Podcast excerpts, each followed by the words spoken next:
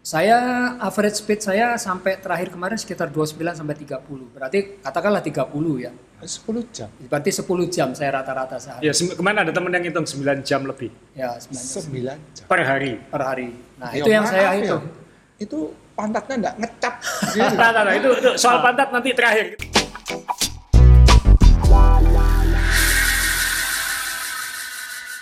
Teman-teman semua, ini sudah episode 21 podcast Main Sepeda bersama saya Azrul Ananda dan Om Joni Ray.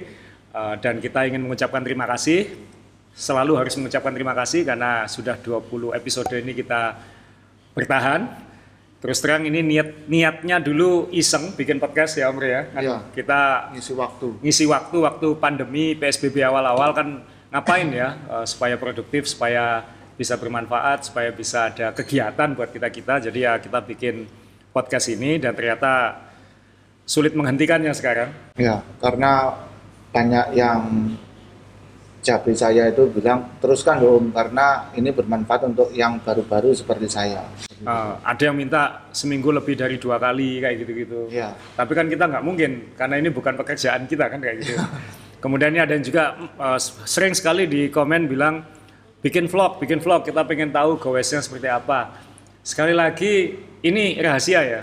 Lebih gampang bikin podcast daripada bikin vlog. Eh, karena apa? Kalau podcast tuh buat Om Ri sama saya gampang. Tinggal duduk ngobrol satu jam selesai gitu. Iya. kadang kelewatan kadang nggak sampai satu jam selesai. Yang bisa bikin vlog itu ya Om sama Om itu. Saya bikin vlog Bukan hanya itu, bikin vlog itu kan butuh komitmen waktunya dalam artian harus melakukan apa yang akan Ya, divlogkan kalau- itu, kemudian harus diedit, kemudian harus harus dirapikan dan segala macam. Kalau kalau podcast kan anak tinggal duduk, itu Kalau- kan after afternya ya, sih, Iya. kayak editingnya lah. Iya. gitu. Tapi untuk mendapatkan bahannya aja saya sudah kesulitan. Kan nggak mungkin misalnya saya ngevlog gini ya, eh guys ini saya lagi di Jati Jajar, teman-teman saya oh dua kilo di depan gitu. Kan nggak nggak mungkin ya gitu. Jadi sulit gitu loh. Kalau ada yang kuat-kuat itu kan masih bareng gini Iya. "Eh, tanjakannya berat ini. Ini 15% tapi masih masih bareng kan gitu loh ya. Ya, kalau saya ya ini 15% saya gelondong terus gitu ya. Nggak jadi vlog ya. Ya jadi intinya kita nggak mungkin bikin vlog lah. Sa- sa- Saya pasti nggak ada waktu, saya pasti Ya. nggak ada waktu. Jadi ya moga-moga tetap betah dengan podcast kita ya nanti kita mungkin akan ada variasi-variasi. Ketika kita bikin video lomba pun juga sebenarnya kan ya tinggal lombanya di syuting, dijalani. Setelah itu kita tinggal komentari aja. Itu kan juga cuma duduk ngomong juga. Jadi mohon maaf memang ini cara paling gampang buat kita. Eh, ya moga-moga cerita yang kita sampaikan bermanfaat. Nah karena responnya juga lumayan bagus, konsisten uh, viewernya dan lain-lain. Kita ingin ngucapin terima kasih ini kepada di episode ini kita ingin ngucapin terima kasih kepada dua pihak. Uh, nanti ada foto dan videonya juga kita sampaikan. Yang pertama Om Rey mungkin ya karena yang dikirimi Om Rey bukan saya. ya ini kepada Om Sutris itu dari ICT Taiwan Komunitas di Taiwan. komunitasnya dari Taiwan jadi mereka ini sekumpulan peker, apa orang Indonesia yang kerja di Taiwan Ya. Jadi itu ngontak saya saya pertama itu nggak ngerti ICT Taiwan nih saya mikir apa gitu ya Iya. gitu. ternyata mereka ngirim uh, foto tuh ketika gowesnya tuh diwuling terus ngajak saya ayo om ke sini gowes di sini dan saya bilang sudah pernah tapi itu dari sisi yang sini harus coba yang dari sisi yang situ gitu Ya. nah jadi Ya kita dikirimi foto itu. Uh, salam kepada Om Joni Rey dan Om Azhar Ya. dari Puncak Wuling. Gitu. dia pakai handphone Iya. terus habis itu fotonya uh, di papan yang 3000 meter itu ya Ya, 3275 kalau nggak salah ya. Ya, ya, kalau saya tahu angka depannya aja 3000 gitu. Jadi pakai handphone terus dia foto di situ. Dia ngajak dari sisi yang dipakai untuk lomba Taiwan Com. Taiwan Com itu. Ya. Ya, ini buat teman-teman uh, Indonesia yang goes di Taiwan uh, atau ko- komunitas cycling Indonesia di Taiwan, ya nanti kita kita sebenarnya setahun sekali minimal ke sana ya, karena kan kebetulan kita di industri sepeda juga, jadi kelak kalau ke sana kita kontak-kontakan ya, Ya. kita Om Ray pasti nggak suka ini karena waktu kita nanjak ke Wuling itu dia yang paling ngomel-ngomel gitu karena dan dia waktu turun mungkin yang teman-teman di Taiwan tahu ada restoran yang ayam panggang ya Ya, ayam. ayam utuh satu begini, Om Ray sendirian satu. Jadi Itu itu guide-nya sampai nggak percaya itu. Dia sudah bilang berkali-kali, ini ayamnya besar. Dia nggak tahu saya habis naik ke gunung itu laparnya kayak apa. gitu. jadi waktu itu kita sama guide-nya berempat ya. Ya. Berempat, eh, saya Om John Bumi Harjo, Om Rey. Kita bertiga satu ayam, Om Rey satu ayam. Anda pasti tahu yang di Taiwan. Oke, terima kasih. Dan yang kedua, eh, saya ingin mengucapkan terima kasih karena dapat kiriman video lumayan spesial ini Om Rey. Eh, sebenarnya saya sudah tahu beliau sudah lama goes. Eh, dulu waktu pertama kali saya bikin event di Jawa Tengah dan Jogja, beliau ikut. Dan bukan cuma ikut, biasanya kalau pe- maaf maafin ya kalau menyinggung perasaan, biasanya pejabat kalau ikut itu biasanya cuma huri-huri di depan, Ya. setelah itu minggir. Kadang-kadang bikin lama peleton kayak gitu. Tapi eh, kita kalau bikin event berusaha misalnya kalau memang goes goes, kalau Ya. enggak jangan kayak gitu karena supaya irama peletonnya di- bisa kita dapatkan. Nah ini saya ingin mengucapkan terima kasih kepada Pak Ganjar Pranowo, Gubernur Jawa Tengah ini, Oh, iya. karena beliau ini dan istrinya eh, Bu Siti Atikoh ya, Iya.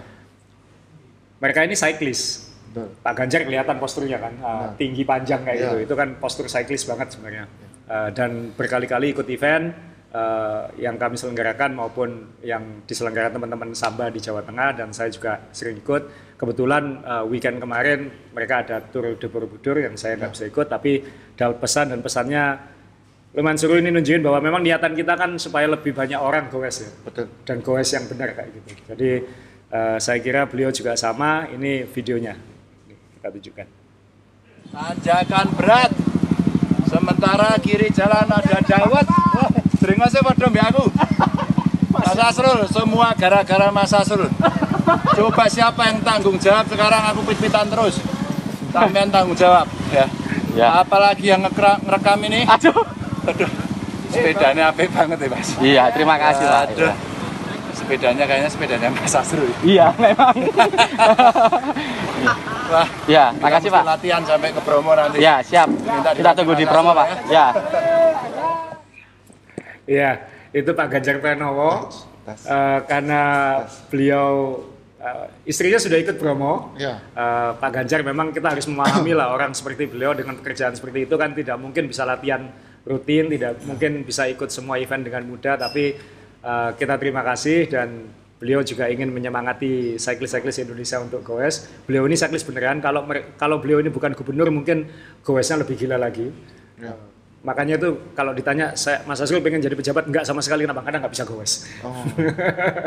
Karena latihannya bisa tidak tidak konsisten kayak gitu. Jadi ya sekali lagi terima kasih. Tadi videonya direkam oleh teman-teman dari Sub Jersey yang ikut goes Acara, di ya. di eh, Jawa Tengah. Jadi itu terima kasih kami, eh, terima kasih buat komunitas lain yang juga mendukung. Nah sekarang Om Rey kita ke tema utama kita. Ya, ini. Indonesia punya juara dunia. Dan tercatat secara virtual, seluruh dunia yang goes mengakui, kelihatan tidak bisa bohong, ada datanya, kelihatan angkanya, kelihatan sudah Dan ini di bukan di Indonesia loh ini ya. ya, sedunia. Dunia jadi ada apa editan, nggak bukan diedit oleh orang sini, nggak bukan ya. Saya tanya Om Rey sebulan goes berapa kilo? Rata-rata ya, Ah. paling nemen itu 300 sampai 400 kilo seminggu.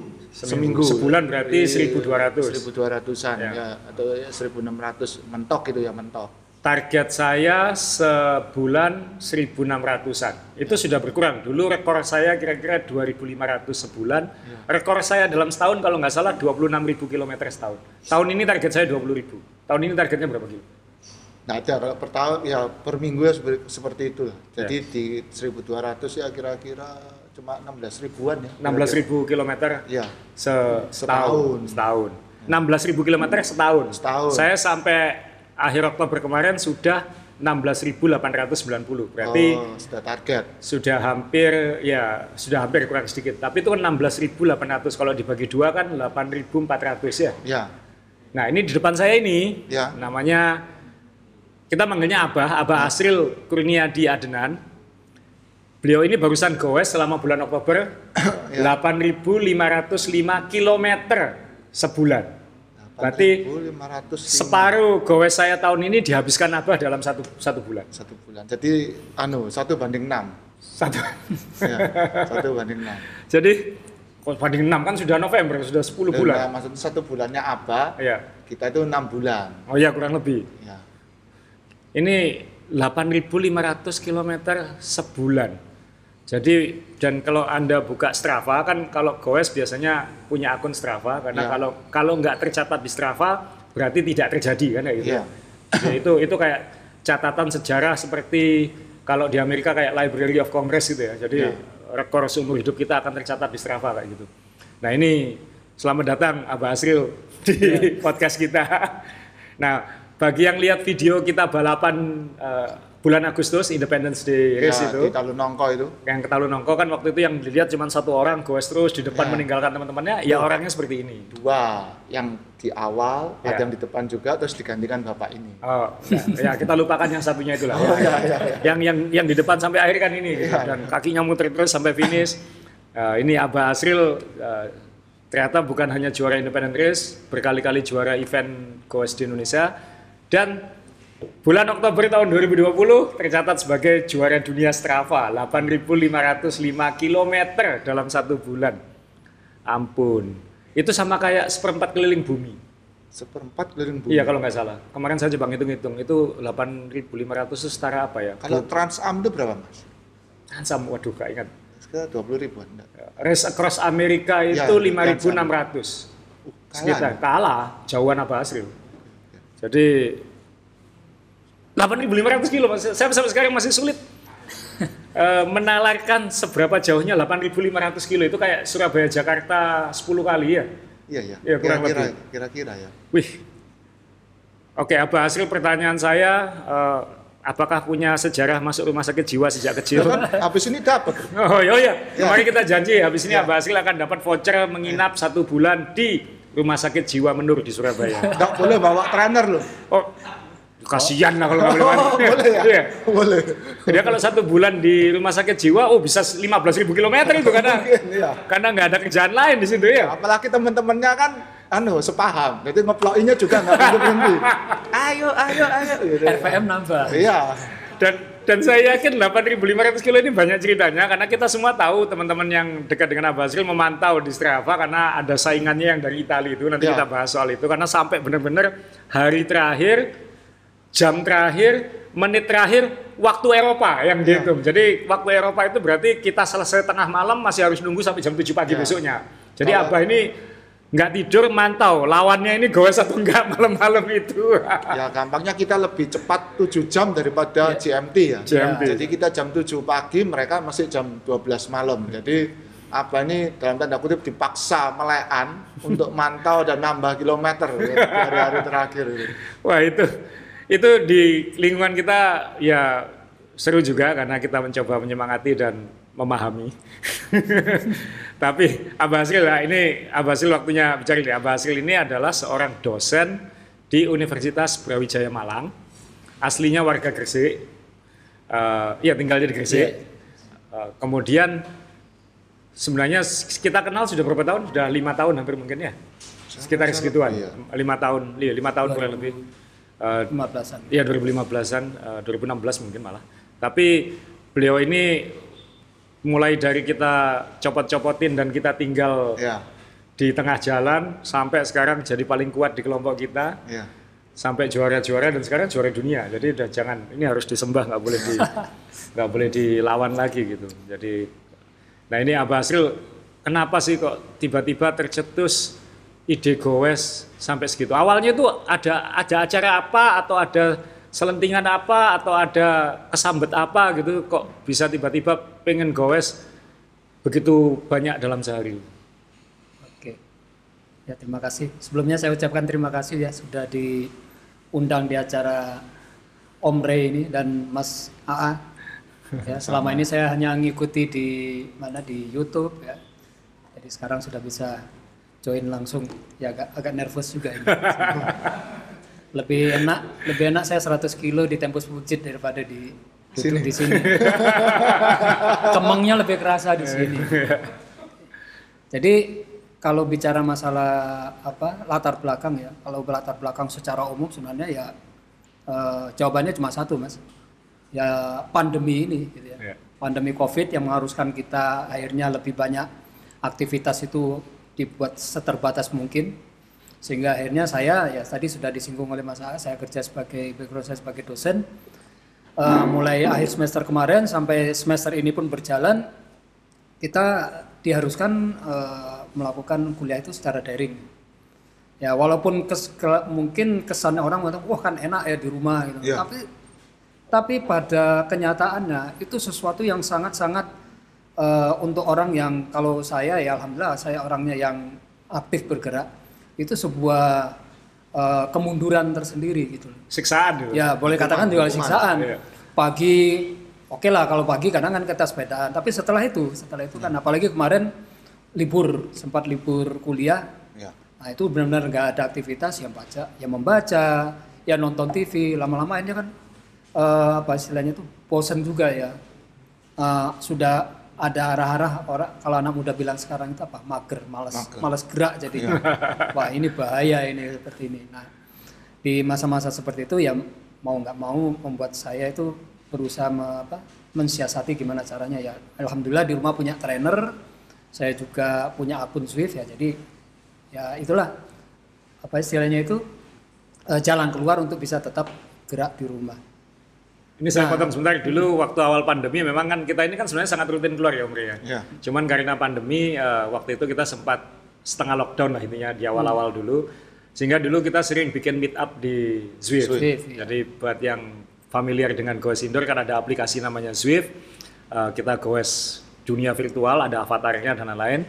Eh, kemudian kita bikin janjian ketemu di mana. Jadi kita dulu sering ketemu. Om Ria ini paling malas indoor soalnya. Jadi nggak nggak mau ikut kalau ikut. Jadi Iya. kita ngundangi teman-teman dan itu serunya kita goes bareng di rumah masing-masing tapi goes bareng kan kayak gitu ya. Hmm. Ada Abah Asril, ada saya, ada teman-teman di Makassar, ada teman di Jakarta, ada teman di Bali, ada Hmm. pokoknya di berbagai kota di Indonesia goes bareng kayak gitu.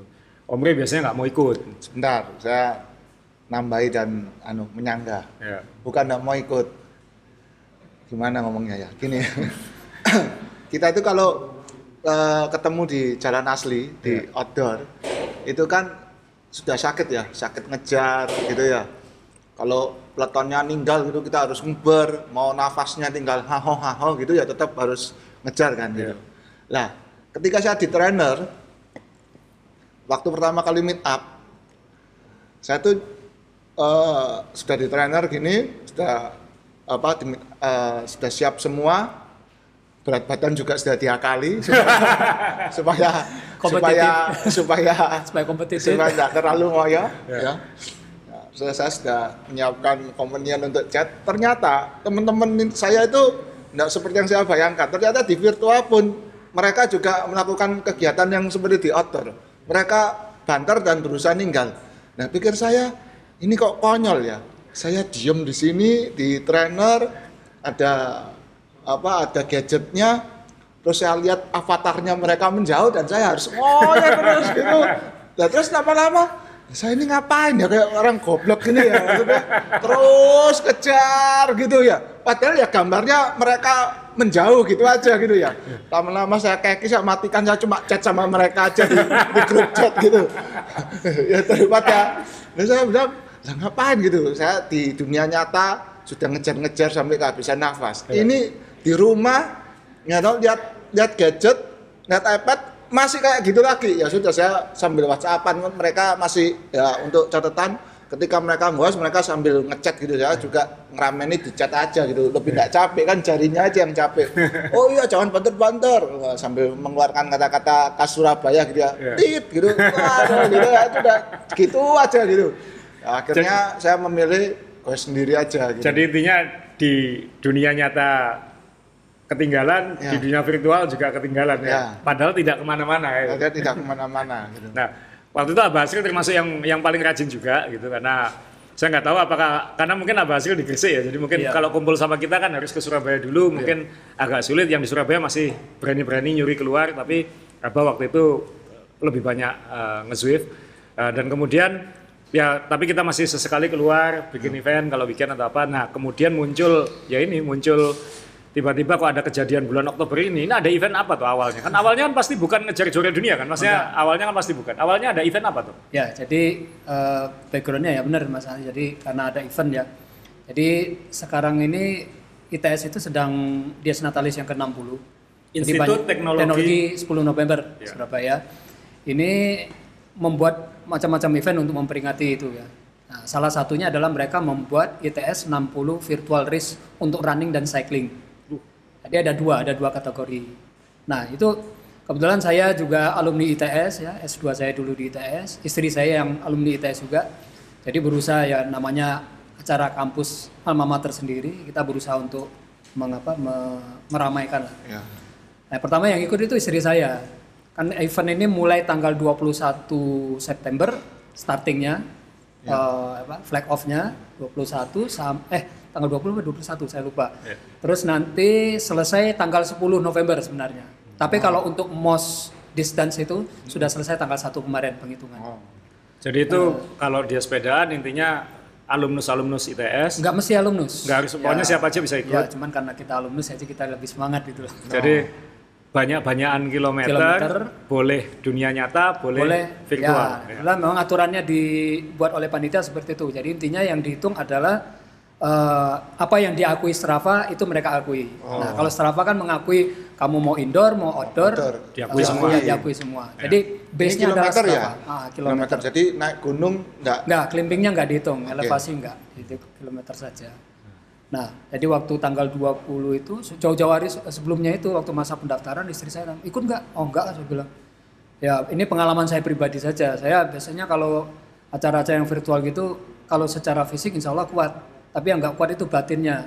Batinnya menghadapi orang-orang yang berusaha berbuat curang di situ loh. Oh, Karena virtual kan ya, Iya, ini iya. main data. Iya. Itu yang saya kadang-kadang mangkel gitu. Iya. Jadi, terus enggak saya enggak ikut.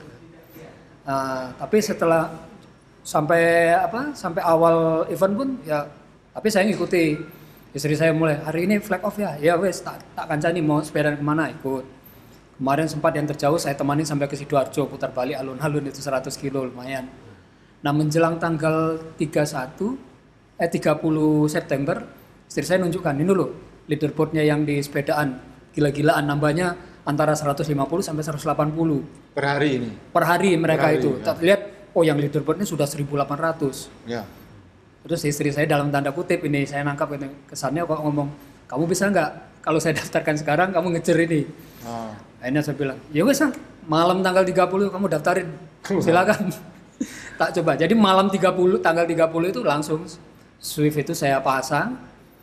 Goes, ingat saya pokoknya kilo eh, eh, effort pertama saya itu 65 kilo.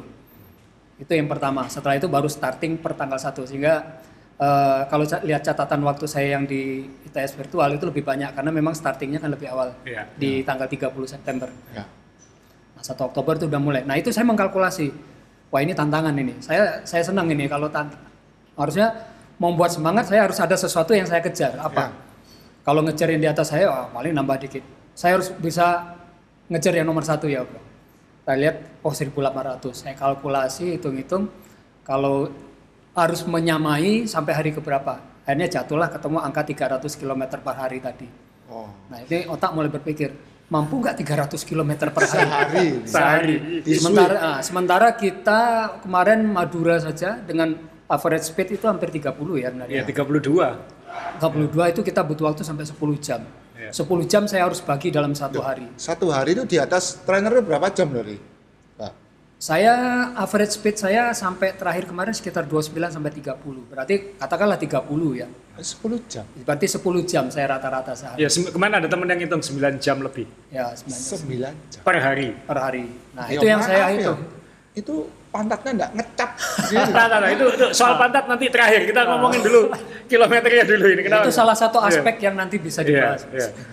Ya, jadi saya hitung-hitung itu, wah ini saya bisa. Waktu itu awal strategi saya adalah begini.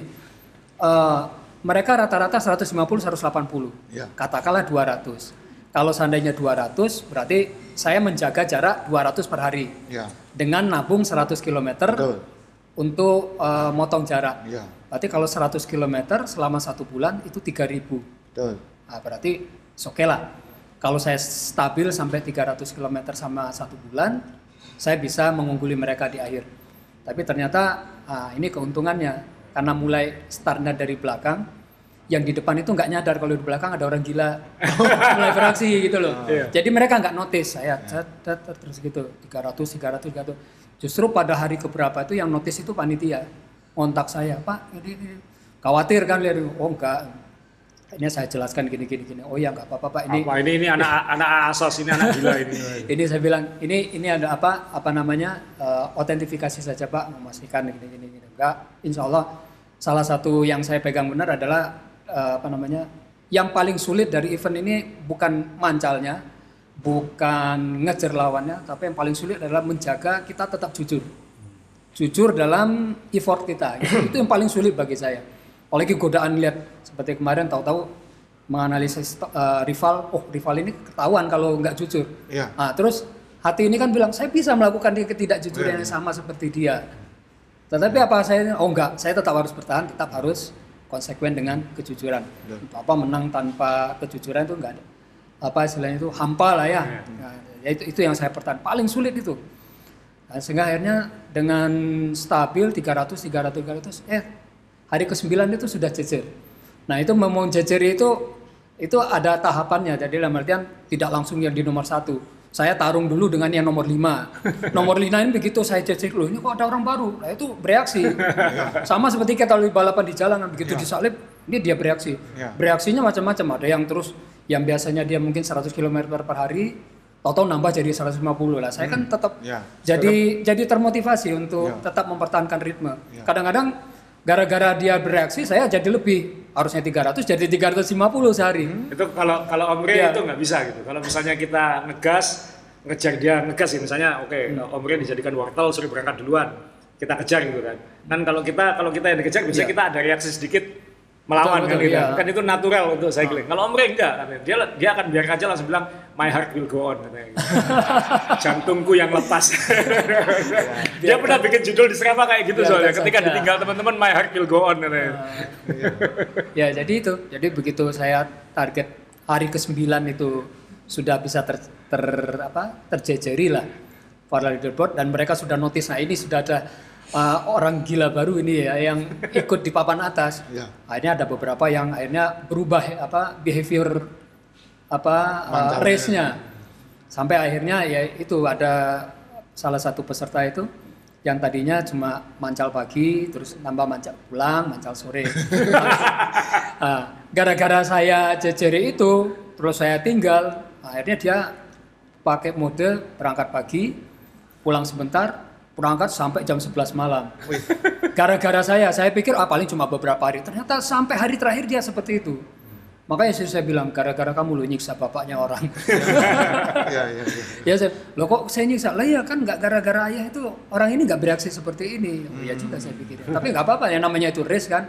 Setiap orang itu punya upaya masing-masing untuk memaksimalkan potensinya. Untuk Ya. bisa ngumpul lah ibaratnya kayak kalau kita disalip orang ya kadang ya ngegas ada yang gandol pick up supaya bisa dekat dekat ya seperti itu Nah itu sebetulnya tidak berlaku di itu kan yang di leaderboard virtual kan. Iya, Nah, yang di teman-teman anda juga berusaha yang di yang tetap keluar di dunia Nyata. outdoor nyata Hmm. ini. Mereka latihannya satu hari tiga gunung. Korbannya siapa? Ya saya.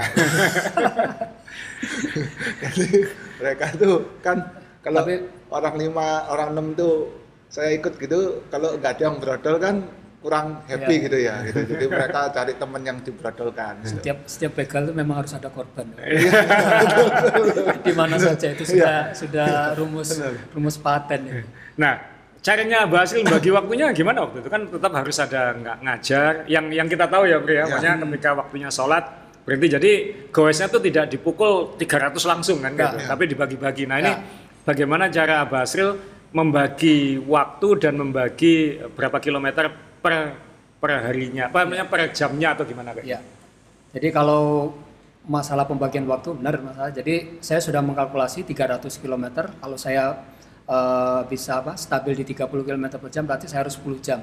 10 jam ini yang saya atur ya dengan eh, yang jelas kalau pagi pagi itu dari mulai jam kalau subuh sekarang kan bulan Oktober kemarin agak awal jadi jam 4. Ya. Berarti setengah lima saya sudah harus ada di atas saddle. Jadi bangun, sholat Ya, subuh, sholat subuh, setelah Hajar. subuh langsung ajar setengah lima, itu sholatnya pakai bib atau enggak?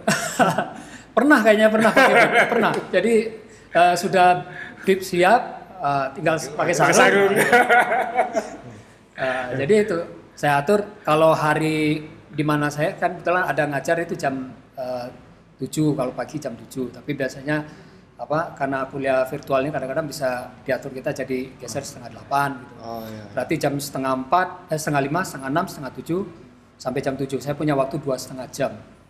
Nah saya dapat berapa kilo gitu. Iya. setelah itu nanti setelah ngajar nah, kadang-kadang ngajar itu selesai jam 10 10 su- eh, sholat duhur jam setengah 12 berarti punya satu setengah. Itu saya isi. Makanya kalau yang eh, ngelihat angka mungkin nggak tahu ya apanya itu. Karena namanya- namanya dikit, Ya, dikit, dikit angka- gitu. angka. Tapi kalau yang melihat di akun Strava saya baru akan tahu oh kok ini 30 kok ini 70 oh kadang ada 100 kalau 100 berarti biasanya hari libur. Bisa 100 atau pas malam hari. Sampai saat ngantuk-ngantuknya hari itu ada saya di foto sama istri saya pas waktu Tidur tiduran. Di atas sadel itu. Itu itu enggak aksi itu benar-benar tidur. Jadi saya memanfaatkan apa eh, nikmatnya tidur di atas sadel oh ternyata bisa. Ternyata bisa efeknya apa? Setelah saya jalan tet- tet- gitu ya. Tidur RPM-nya otomatis berkurang sendiri. Gitu terbangun eh lo kok RPM-nya segini? Terus tambah lagi. Nah, kakinya muter itu. muter. Dan itu bisa dinikmati tidurnya. Percaya? Dicoba. Mau dicoba? Saya denger aja cukup. Saya denger aja Nah, cukup. terus masalah bokong tadi benar luar biasa itu ya. Dulu kalau malam sampai jam berapa, Bang? kalau malam kalau eh, variatif ada kalanya itu sam- ant- pa- tapi paling lambat paling lambat pernah paling lambat itu jam 1 Dini hari. satu Dini dini hari? hari, ya sampai jam satu dini hari. Karena kadang kurang tiga jam subuhan lagi. karena kalau kadang karena ada kegiatan lain ya seperti tadi kuliah menyiapkan bahan kuliah otomatis tahu-tahu yang siang ada yang terpangkas harusnya 70 kilo dapatnya hanya 50 atau 45 nah itu harus di eh, karena saya disiplin terhadap target 300 ya berarti kan harus replace. Nah, itu itu itu Azrul Minati nomor satu, Bang. Apa? Pekerjaan tidak boleh mengganggu hobi, hobi tidak boleh merugikan pekerjaan. Kalau ini sudah kebalik ini. Lo kan sama aja, dibolak-balik sama-sama gak ada yang rugi. Hobinya dosen, kerjaannya apa ini? ya jadi alhamdulillah lah jadi satu bulan ini eh, apa namanya ya mungkin kalau mau ngecek silakan cek di mahasiswa saya jadi saya nggak ada bolong ajar lah ya sudah Ah. alhamdulillah Ber- ya, Oke, berarti eh, cara ngatur kan tadi kan bagi waktu dengan pekerjaan, dengan, Hmm. waktu tanggung ibadah. jawab sehari-hari, tapi dengan ibadah. Nah, makannya gimana? Nah, ini makan. Jadi makan Bisa makan pecel sambil nge-swift? Bisa.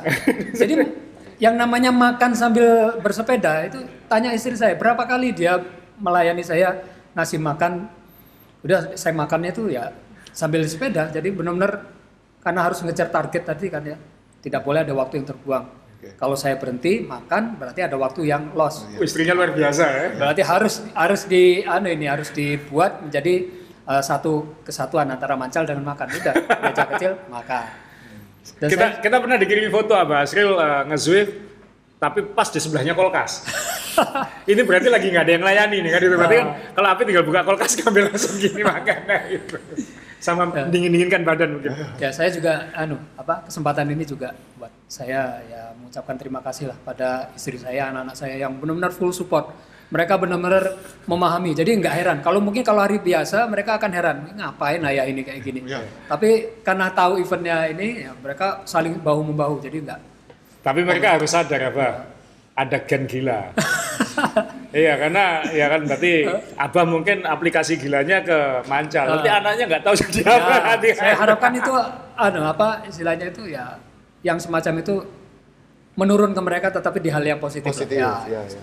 Tapi makannya kan nggak bisa makanan normal dalam artian nggak bisa soto, nggak bisa ya, makan. jadi kalau nggak kadang ada makan besar juga sambil mancal itu karena Hmm. gini prinsip saya eh, saya sepeda ini saya nggak mungkin high intense kalau high intense pasti habis Ya biasanya Nah, zone 2 nah, stabil ya. jadi saya mempertahankan target saya maksimal kalaupun zone naik ya ya itu zone 3 lah jadi saya stabil usahakan zone 2 zone 3 kalau zone 2 zone 3 saya sudah baca di literatur-literatur kesehatan ini akan efektif membakar lemak jadi cadangan lemak yang dijadikan bahan bakar Betul. Dengerin itu. Nah, jadi cadangan lemak Cadangan lemak yang dibakar. yang Ya.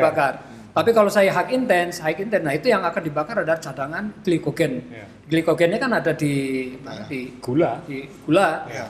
Nah, jangan sampai eh, apa aktivitas otot saya ini ngambil gula dari liver. Itu yang saya hindari. Ya. Jadi gimana caranya supaya selama event saya gulanya harus ini luar biasa. selama saya mancal ini ini aktivitas saya makan glukosa yang yang tinggi. Nasi itu selama ini ya tahu orang-orang taunya saya Tim puasa. tim poso, anti nasi. Iya. Tapi selama sebulan ini tanya istri saya, tanya anak saya makan itu nasi sampai enam kali sehari. Nah, iya, Pak, 10 jam. Iya, karena apa? Ngisi glikogennya kan ngisi ini harus ini, jadi harus banyak. Bahkan boleh katakan harus uh, over lah, surplus. Supaya apa? Ada yang jadi glikogen, ada yang jadi lemak. Lemaknya untuk apa? Untuk besoknya, Iya. untuk dua hari yang akan datang. Karena aktivitasnya kan jalan terus. Om Bre lemaknya untuk apa? Nah, makanya jadi Untuk kehangatan. jadi nggak usah heran teman-teman mungkin langsung lihat, oh kok benar saya akui selama event ini turun nanti sampai 3 kilo, tiga setengah kilo. Lemaknya habis. Nggak terbang. Wah, Miber. Oke, kan awalnya event ITS itu kan, event uh, virtual Dies Natalis ITS. Tapi kemudian tanggal berapa pada bulan Oktober atau bagaimana kejadiannya pada bulan Oktober itu menya- menyadari kalau ada chance jadi nomor satu di Strava. Dan itu berarti kita anggap saja kalau semua orang bersepeda di dunia ini atau sembilan, saya yakin mayoritas orang bersepeda di dunia ikut Strava ada kans jadi nomor satu di Strava dan itu berarti nomor satu di dunia itu kira prosesnya tahunya seperti apa waktu itu? Ya, kalau tahunya sih sebenarnya eh, secara tidak sengaja ya.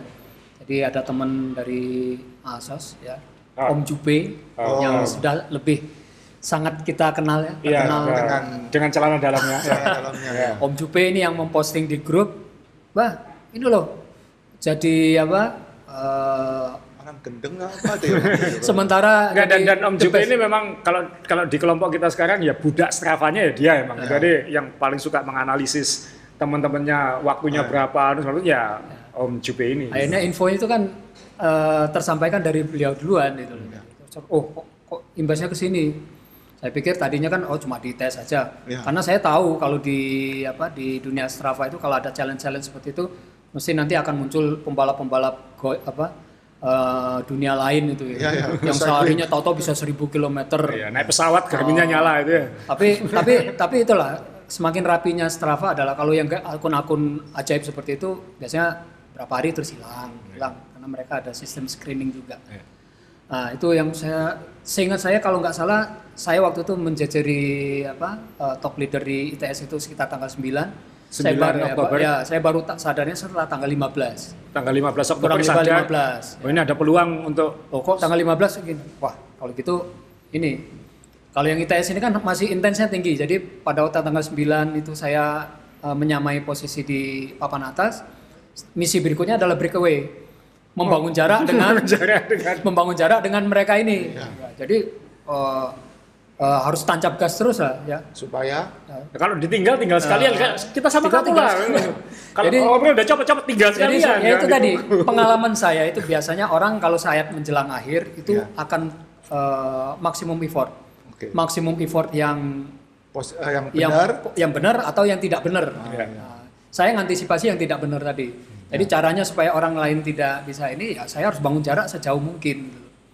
Supaya baik secara nanti mau mau melakukan secara masuk logika maupun tidak logika saya tidak terlewati gitu. ya, tetap Nah, Gitu, makanya caranya gimana ya tetap konsisten dengan 250 sampai 300 km per jam eh, apa, Per hari. itu tadi. Jadi diteruskan aja terus. Teruskan aja. Nah, tadinya kan sekitar tanggal 20, tanggal 20 sampai tanggal 25 lah. Saya lihat itu tuh kok posisi saya yang di ITS sudah aman lah. Ya. Dalam artian Ah, ini, Ini- memang yang di Indonesia ini bukan musuh lah gitu ya. yang di belakang saya dari nomor 2 ke bawah tuh sudah mulai nyadar ini orang gila ini udah udah lepaskan aja lah. Eh, rantainya lepas sudah nggak bisa dipegang mungkin gitu ya. Ya udah. kan. Saya pikir mestinya target awal saya pikir kalau saya sudah aman gitu, saya mau nyantai. Jadi tadinya 200, 300, 250, akhir-akhir 10 hari terakhir saya mau katakanlah ah 100 saja lah, paling 100 150. Nah, ternyata ada apa? ada target lain yang muncul. Kita lihat tuh, wah ini kok bisa kalau bisa leading di top Strava bulan Iya. Oktober ini seru teman-teman ini apa menyemangati juga iya kapan lagi sekarang ini kesempatannya karena belum tentu nanti motivasinya sama untuk mengulangi Oh, lagi. betul. Ya, dan belum tentu maksudnya kan komitmen untuk melakukan ini kan Ya luar betul. biasa. Belum tentu Jadi akan muncul ini lagi. mumpung ada lomba ITS ya sekalian aja kan kayak Betul, gitu. betul. Jadi sekali sekali dayung dua pulau terlewati kayak gitu. Dan kita yang nyemangati ini juga masih semangat Nah, nyemangati. saya juga terima kasih gitu Ya, memang. kalau mungkin ini lewat, kita mungkin nggak nyemangati tapi jemput abah kita ngantarkan ke rumah sakit. Terma- termasuk saya terima kasih ke Pak Kepsek ya, Mas AA ini. Yang kadang-kadang pagi baru muncul, saya masih ngantuk-ngantuknya di atas rel, tahu-tahu posting, ayo Bah semangat. Lihat, waduh aku udah ketinggalan 500 km ini gimana ini? Sama si apa orang Italia itu. Carlo yang uh, rival paling dekat ya Carlo Calcagni itu ya. Sampai akhirnya saya terpaksa mau nggak mau ngepoin orang ini Jadi ini karena situasi. ini saya beri background informasi ya. Ya. Jadi pada hari-hari terakhir itu kita mendapati dan teman-teman teman-teman Abah di Gresik-Gresik juga juga ikut uh, mensupport dan memantau bahwa pesaing utamanya ini ada orang Italia satu. Uh, sepertinya atlet uh, Paralimpik ya kayaknya. ya. Iya, atlet Paralimpik dan dia ini kilometernya jadi kan karena jamnya berbeda ya Om Re ya. Jadi kalau tengah malam yang mimpin Om Re, eh sorry yang mimpin Abah Asril. Bangun pagi yang mimpin dia gitu. Jadi ketika Abah Asril tidur dia goes. Ya. Dan itu gantian terus tiap hari. Jadi kita jadi kalau bangun pagi yang dilihat leaderboardnya Strava ya, wah Abah nomor dua sudah kirim lagi ke dia. katanya. Ngompori aja. Ya, itu itu salah satu yang faktor apa istilahnya itu handicap saya ya. Handicap saya punya waktu eh, 6 jam di depan dia. Dia punya keuntungan advantage di situ. Jadi pada saat saya sudah eh, matikan Posting, lampu, iya. ibaratnya jam 12 istirahat, nah dia punya ngitung, wah saya harus goes berapa untuk melewati dia. Seperti itu. Jadi wah ini ini yang harus eh, Jadi kalau tadi antisipasinya ke belakang, ngelihat musuh-musuh di bawah, ini ngantisipasi ke depan kan gitu. Iya, Bagaimana betul. caranya supaya ketika kita jam 12 malam sana nggak bisa ngejar kan kayak gitu. Karena Betul, kan betul. harus ada waktu sampai jam 7 pagi kayak gitu. Nah, ini dan bahwa memang ada di Strava ini kita maju sedikit bahwa untuk mencapai ini memang kalau kita lihat leaderboard Strava itu kita harus akui memang eh, yang karena namanya virtual dan aplikasi pasti ada masalah-masalahnya kan. Masalah itu dalam artian orang masih bisa ngakali. Kenapa kita ingin undang apa? Karena Abah ini kita tahu jujur kayak gitu. Maksudnya eh, dia pengen benar-benar jujur dalam mencatat datanya itu. Eh, cara kilometer banyak, mungkin saya sampaikan aja rute yang dipilih pasti yang datar ya. Iya. Abah ya, karena rute datar ini kan kilometernya bisa, paling banyak kayak gitu. Jadi yang di- makanya saya tanya waktu itu apakah sudah terpilih jadi wali kotanya Tempus Fugit ya gitu. Karena kan rute yang dipilih di Zwift kan Tempus Fugit di Watopia itu Iya. karena yang yang Berapa kilo? 20 ya? hampir 20 nggak salah, 18 kilo. kalau satu putaran itu sekitar 17,5. Weh, apa? apa ya. Ya, kita Tapi katanya masih jadi lurah katanya. Jadi apa eh, wali jadi meluruskan itu tapi kan itu sekali aktivitas tercatat sekali biasanya gitu. Ya. Tapi memang kita harus nyadari bahwa banyak yang saya lihat ya saya tahu misalnya nggak usah virtual ini apa ya di dunia nyata aja. Ya. Kayaknya tadi orang ini sama saya goesnya kayaknya seringan saya kok kilometernya banyak dia ya kayak gitu. Ya. Kadang-kadang setelah kita buka di Strava-nya itu akun Strava-nya, oh ternyata dia double upload. Hmm. Jadi kadang-kadang dia pakai Garmin sama pakai HP. Oh. Jadi ketika dua-duanya di save, dua-duanya ke upload dan itu sama Strava dicatat sebagai dua aktivitas di saat yang sama. Jadi kilometernya jadi double kayak gitu. Nah, ini yang yang apakah itu curang disengaja atau curang tidak sengaja? Masing-masing orang mungkin kalau dia gaptek atau nggak ngerti Strava mungkin ya nggak sengaja aja Ya, kayak nggak gitu. sengaja, Tapi betul. saya tahu ada banyak ada beberapa orang yang memang ya niatnya supaya kelihatan banyak double upload kayak gitu. Nah, Ya. ada juga cara supaya tidak ketahuan di Strava itu adalah di private ya, Abah ya. Ya di private. Di private. Jadi saingan-saingannya Abah ini di private. Jadi kita nggak bisa ngelihat di Strava-nya. Jadi kita sulit melihat dia ini di double atau tidak kayak Jadi gitu. detailnya itu tidak bisa kita lihat. Tidak bisa. Karena kalau kalau di double kan kalau di Strava kan enaknya kita bisa nge-flag. Ya. Jadi misalnya oh saya tadi gue sama Om Ray 100 kilo kok Om Ray 200 kilo saya kok 100 ya. Oh saya flag aja Om Ray kayak gitu. Bahkan kalau dia pakai kendaraan bermotor pun ya nggak bisa kita tahu kalau di private kan. Iya. Ya.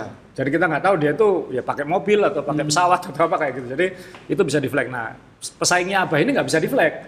Dan ini teman-temannya di Gresik di Surabaya ini semua mencari cara untuk untuk memantau lawannya ini gitu karena untuk wah, kayak segala cara. segala Sampai cara kayak gitu. Membuat komen di Facebook, Facebook, di oh, sampai di Strava. YouTube, ya. Sampai apa semua akun-akun sosmednya dikepoin semua kayak gitu. Jadi dan itu untuk karena kan kita pengen abah ini juara secara jujur kan abah ini jujur kita nggak kita ingin lawannya juga jujur gitu kalau memang kalah sama-sama jujur kan ya angkat topi gitu aja tapi kalau enggak kan nggak adil juga meskipun itu virtual kayak gitu jadi Nah ini nggak bisa, tapi Abah ternyata punya cara untuk memantau. Jadi, nah di Swift itu bisa dipantau ya Pak? Ya, Jadi betul. bisa Wala-. Walaupun dia akunnya di Swift itu di private, jadi kalau kita klik namanya, dia sedang aktivitas atau tidak itu ma- masih bisa muncul, walaupun di private ya. Oh. Jadi kita tahu, oh dia lagi mancal. Makanya kemarin waktu saya upload terakhir, setelah itu saya pantau, oh nggak ada aktivitas berarti, ya makanya Mas bilang mungkin sudah tidur atau apa tadi sempat bangun lihat, loh kok mendadak disalib ya, Ya. langsung apa Serangan- serangan jantung. Serangan jantung. kita nggak tahu. Jadi mungkin sekedar info saja. Saya sampai eh, tanggal 31 Oktober. Iya, itu sampai hari terakhir itu kan kita semua mantau itu Saya ya. masih posisi tertinggal. Tertinggal kalau nggak salah 200 km ya. Hmm. iya. 200 hari, nah, hari terakhir itu ya? Hari terakhir. Hari terakhir. ya. Jam 12 itu saya masih tertinggal 200 km. Dan nah, itu tetapi ya itu tadi saya bilang yang namanya balapan itu kita harus memanfaatkan semua apa effort kita. Tetapi apa tetap berusaha untuk apa eh, menjaga kejujuran itu tadi. Ya, jadi data kita. Nah, gimana caranya saya supaya untuk bisa Nah, tadi kan saya sudah katakan saya punya handicap 6 jam dengan dia Ya. dia bisa melihat catatan waktu saya dan itu Uber. Nah, gimana caranya supaya dia dan saya itu mencatat waktu apa kilometer terakhir pada waktu yang sama. Oh. Gimana? Jadi umpamanya dia mancal terakhir, nah pada saat itulah dia baru bisa baca kilometer terakhir saya. Nah, caranya ternyata ya tanya sana, tanya sini dan kebetulan kemarin apa sempat eh, diskusi dengan teman dari pakar IT. Gini aja caranya. Zwiftmu itu jangan kamu otomatis eh, apa? eh, connect ke Strava supaya data itu biar tersimpan di Zwift dulu karena di situ memang data feednya itu nggak bisa kamu tahu P. Iya, jadi ketika Tang- sudah selesai udah dikunci sama sih. Ya dikunci sama Swift, Iya. jamnya pun nggak bisa berubah. Jadi kalau kamu upload tahun depan pun itu di Strava akan terbaca di Tanggal tanggal, yang detik sama. yang sama. Oh, iya. Oh gitu ya, berarti nah sekarang saya berpikir gini, mikir-mikir-mikir, oh berarti gini caranya supaya dia sama saya kilometer terakhir itu selesai pada waktu yang sama. Jadi saya lihat biasanya di aktivitas itu sel- selesai mancal paling paling malam itu jam 4 waktu subuh. Ya. Pernah itu jam setengah empat, itu dia selesai. Udah berarti saya upload data saya yang saya apa, yang saya istilahnya itu uh, Simpan. Delay, delay Ini posting. dia postingnya. Itu ada sekitar 450 km saya delay posting. Jadi ini ini kan juga trik ya. Jadi jangan menunjukkan kekuatan kepada lawan. Ya. betul. Jadi jadi eh, kalau kalau nyalip tuh jangan menunjuk, eh aku mau nyalip jangan gitu. Saya diem-diem aja tiba-tiba sudah di depan. kayak Jadi gitu. saya mensiasati itu supaya apa? Supaya handicap saya ketinggalan 6 jam itu tadi karena memang posisi geografis ya. Itu bisa bisa fair lah. Ya. Jadi ini, dia- ini bukan berarti curang ya. Ini Ya. ini sengaja setelah selesai tidak langsung di save, Tidak tidak, langsung langsung di save di Strava. Di save-nya hanya di Swift. Jadi Betul. jadi eh, lawan tidak tahu sebenarnya sebenarnya kilometernya lebih dari ini tapi belum apa eh, Belum belum di-upload, gitu belum aja, belum dilingkan kayak gitu. Jadi itu untuk mengecoh lawan supaya ini kalau perangan strategi perangan art of war ya, Ya, maksudnya betul. jangan menunjukkan batang hidung kayak gitu. Dikasih eh, dibuai dulu lawannya supaya suka dulu. Wah, ini luar biasa nih. Ada ini bukan hanya sekedar goes dan virtual riding, ini strategi perang ini ya. kayak gitu. Akhirnya main siasati seperti itu. Ya alhamdulillah. Jadi begitu pas waktu subuh saya posting, dia selesai mancal kira-kira waktu apa? Waktu Itali. Ya. Saya posting ces itu akhirnya ada selisih berapa itu sekitar Ini ya nggak banyak Saya- sih. ya, Nah, ini sekitar- saya bacakan nanti bisa ditampilkan di screen. Jadi nomor satu bulan Oktober adalah Abah Asril 8.505 km. Nomor duanya orang Italia itu 8.469 km. Jadi selisihnya nggak sampai 50 kilo ya. Nggak sampai 50. Dan nomor tiganya jauh banget. Nomor tiganya 6.000 6.000 kiloan. Ya. Ya dia enggak, enggak mau masuk rumah sakit. nggak masuk rumah sakit. Jadi memang eh, ini eh, apa eh, neck and neck sampai akhir ya kayak gitu. Ya, kita jadi- sekali lagi punya abah bisa diverifikasi asli Ya. jujur atau tidak. Punya lawannya ini kita tidak tahu karena di private akunnya saya buka dan meskipun ada indikasi mungkin kayaknya di double posting atau apa tapi itu lupakan lah ya Pak ya. Ya, yang, yang penting sudah sudah selesai yang berlalu sudah berlalu. Abah sudah lewat, sudah juara dunia. Jadi ya ya kita kita senang bangga. Jadi selesai. eh, Nah sekarang apa yang dirasakan apa sebelum dan sesudah Oktober?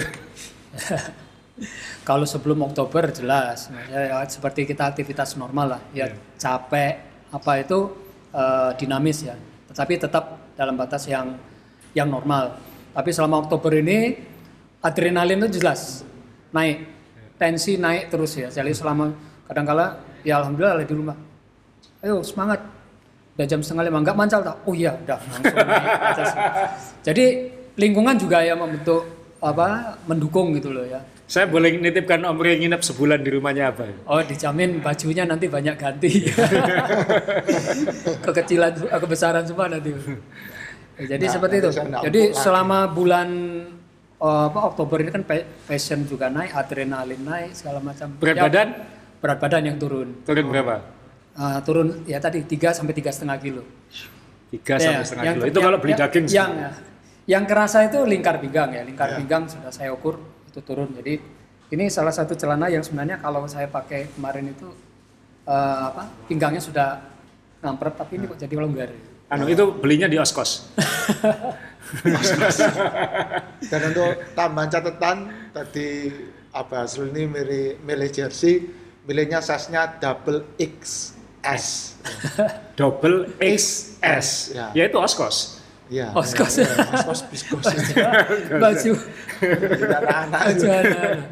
Nah, bahkan eh, ini pasti banyak yang nanya ya, nggak bosen, maksudnya eh, di di atas trainer begitu lama itu nggak bosen. Dalam Iya. artian saya saya paling lama Om Rey paling lama nge paling satu jam. Dua.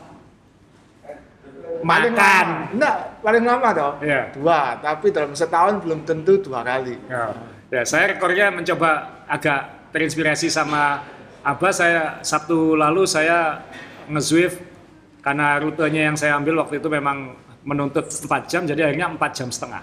Itu sudah habis dua podcast, eh, video-video F1, video-video basket dan lain-lain itu sudah saya tonton semua. Lah Abah mengusir melawan kebosanan di atas trainer itu seperti apa? Ya, yang ya benar. Jadi tantangan paling berat dari trainer itu adalah sebenarnya eh, mengusir rasa bosan ya.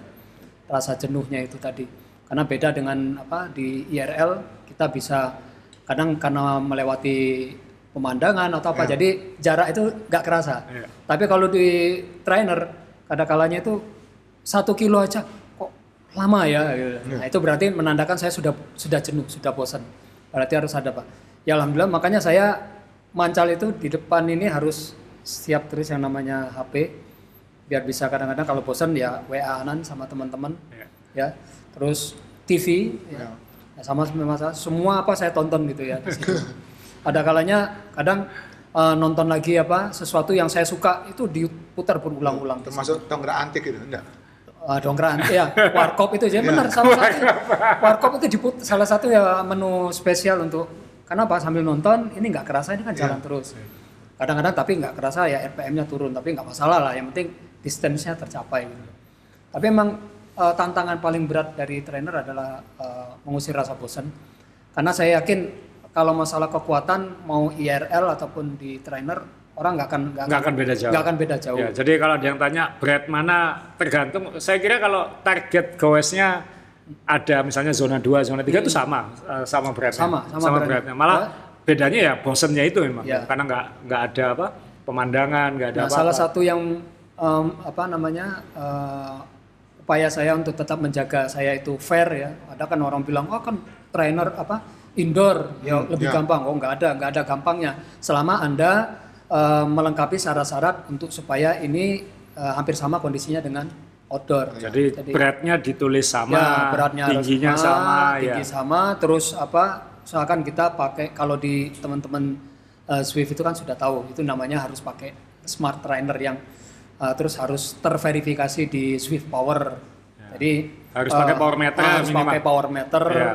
Terus ada harus pakai heart rate monitor. Jadi itu bisa diverifikasi semua. Jadi kelihatan eh, apa saya power sekian heart rate-nya. Kadang ada ada yang bilang katanya itu nanti kalau disambungkan dengan mesin kan bisa tetap jalan Ya, lah. ya. Tapi kan ada fungsi kontrol lainnya adalah heart rate. Heart rate monitor. Kalau kita sambungkan di situ heart rate saya pasti akan datar atau tapi kalau umpamanya RPM tinggi, power tinggi, otomatis heart rate juga akan terbaca. Nah ini ada eh, di Zwift itu memang karena tidak semua tidak harus pakai smart trainer dan power meter, Hmm. akhirnya ada yang pakai memang eh, Z power. Z power yang namanya. Jadi kayak eh, estimasi power ya. Nah. Dan ini memang eh, bisa sangat tidak akurat. Jadi kadang-kadang kok dia bisa lari 50 km per jam ya kayak Betul. gitu. ya. Dan heart rate-nya kok rendah sekali kayak gitu. Jadi ya tapi kan Zwift tidak melarang itu juga karena kan Zwift juga ingin semakin banyak orang langganan Zwift gitu. Hanya Jadi saja mungkin pas apa di race-race yang ada di Zwift itu eh, di didiskualifikasi. didiskualifikasi. Silakan ikut, tapi begitu nanti muncul hasil Kamu nama anda nggak ada di situ. Nah ini ini pesaingnya Abah itu pakai Z Power. Jadi ya ya memang eh, sulit dipercayai keasliannya. Tapi kalau datanya Abah ini asli. Nah sekarang Abah ini pertanyaan yang sangat penting karena masalah utama goes tadi sudah disinggung, sudah sempat disinggung juga soal bagian belakang kita ini. Ah, bagian belakang kita di atas di atas Betul, sadel berjam-jam tidak gerak ke mana-mana. Saya sih merasakan pasti lebih kalau saya sih merasa lebih capek malah indoor Ya. karena uh, lebih cepat uh, lebih cepat improve sebenarnya Uh, karena kan kita dipaksa dalam posisi statis Betul. berdiri itu bukan karena kebutuhan tapi karena untuk istirahat gitu kan ya jadi uh, nyiasati itu seperti apa apa Jadi kalau di sepeda statis dengan di IRL itu sebenarnya ada perbedaan ini, ada perbedaan apa eh, perilaku dari gerak ya. Jadi kalau secara fisika itu kalau di sepeda itu kan kalau di luar kita nggak eh, murni tegak lurus. Ada kalanya Betul. ah, Ya, saya maju, ada- mundur. ada maju, mundur. Ya. Sehingga apa titik pusat beban itu walaupun kita kan kalau di sepeda itu ya di saddle sama di Tangan. eh, Tangan. di tangan. Nah, tinggal nanti distribusinya berapa persen di depan, berapa persen di belakang. Nah, tapi kalau di trainer itu kan dia stabil. Ya. Bahkan cenderung titiknya itu tetap di situ. Sehingga memang yang membuat orang bosen nggak tahan itu biasanya memang di faktor ini. Dia pasti akan cepat lebih cepat sakit dan itu memang saya rasakan. Tapi lama-lama ya yang namanya lecet jelas ya. Ini pasti lecet. Tapi ada beberapa jenis bib yang saya punya di rumah.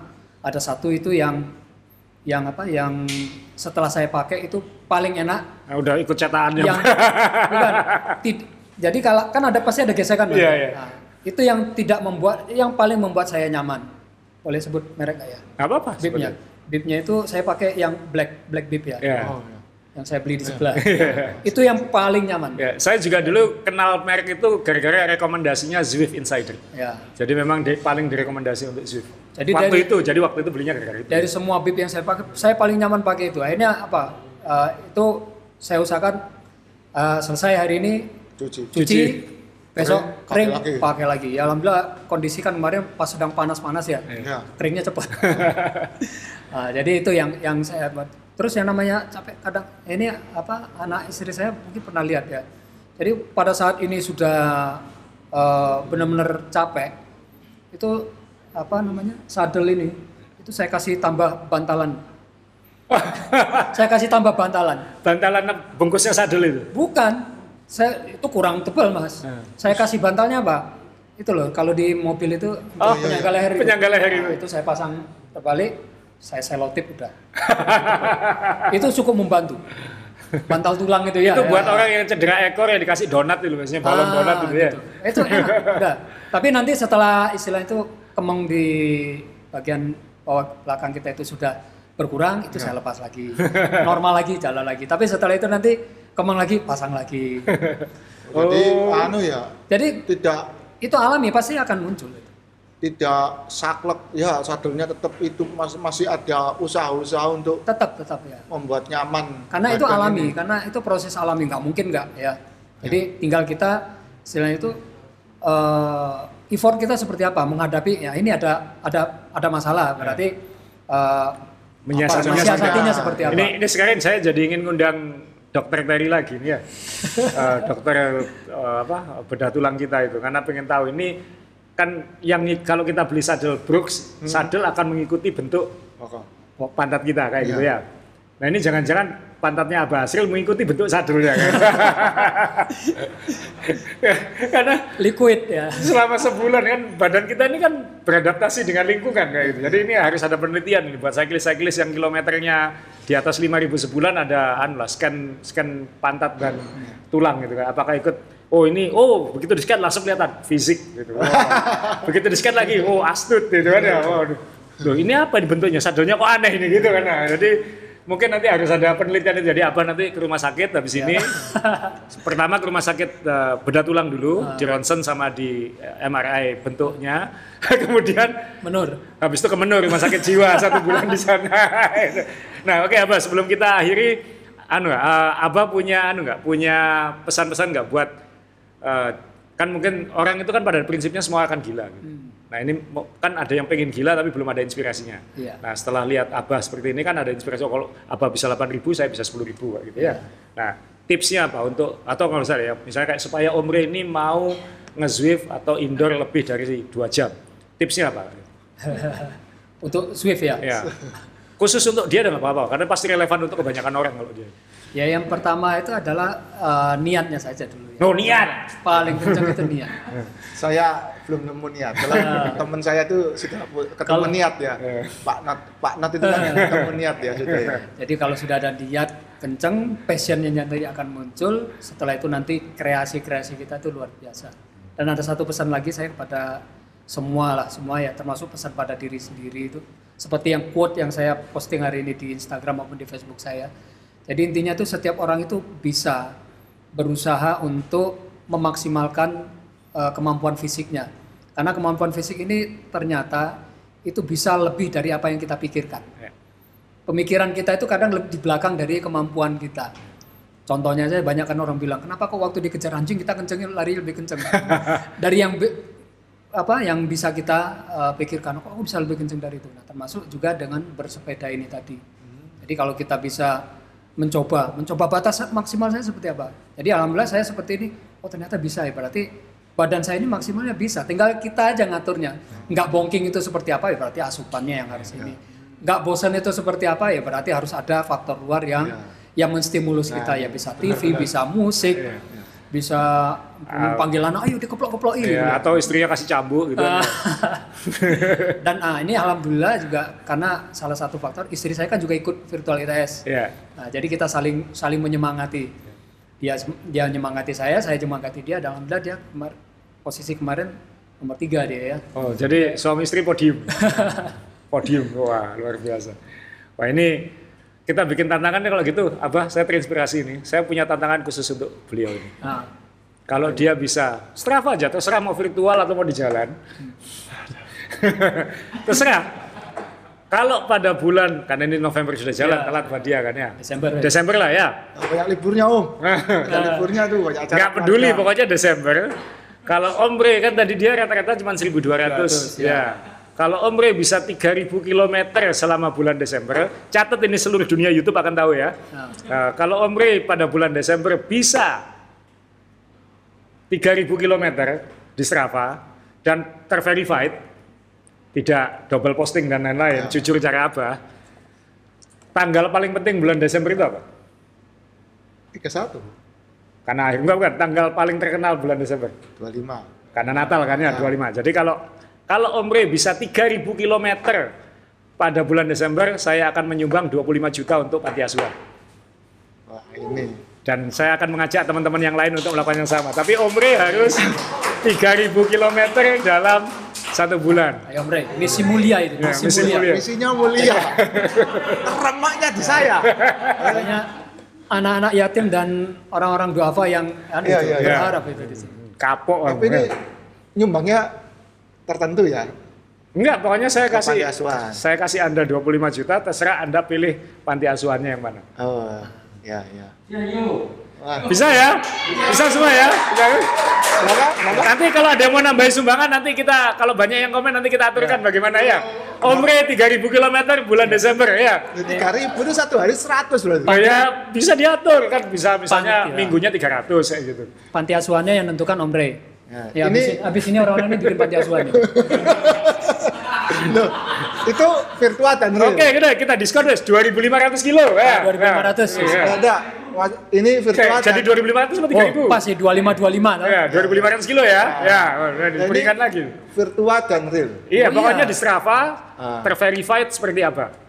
Aku niru apa lah tidur di atas sepeda di sini. Ya kan kalau abah tadi pakai ban leher kan kamu bisa pasang spring bed di atas sepeda. Iya. Deal ya? Iya, iya. Ya, dia. Eh, Catatan ini tidak diatur ya. Diterima karena di syuting tidak putus.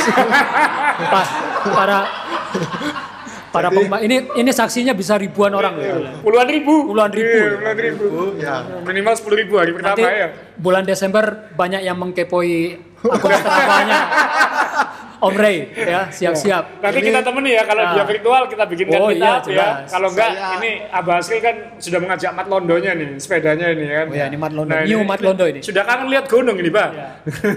Masa apa kena virtual terus kan Abah Asri ini punya dua sepeda yang saya tahu punya dua sepeda yang road yang Mat Londo ini, ini Wednesday yang Ajiwan disebutnya Mat Londo sama Mat Bluri ya. Mat Bluri, Itu. Ken- Canyon Air jadi jadi Mat Londonya udah kangen ke gunung nih apa ya. Oke, jadi terima kasih Abah Asril. Eh, semoga kegilaannya sudah menemukan batas.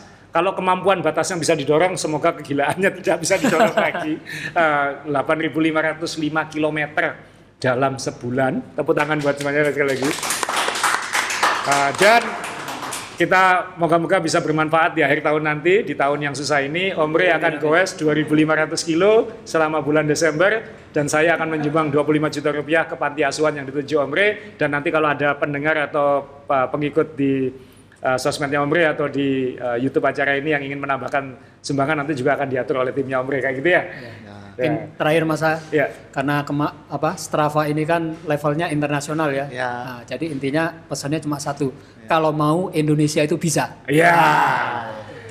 Di Strava loh, juara Strava kan berarti kan hampir semuanya ini ya. ya. Siap. Terima kasih ya Basril sekali lagi. Sama-sama. Terima kasih. Kita ketemu di episode berikutnya dan kita tunggu kiprah Omri bulan Desember. Terima kasih. Silakan.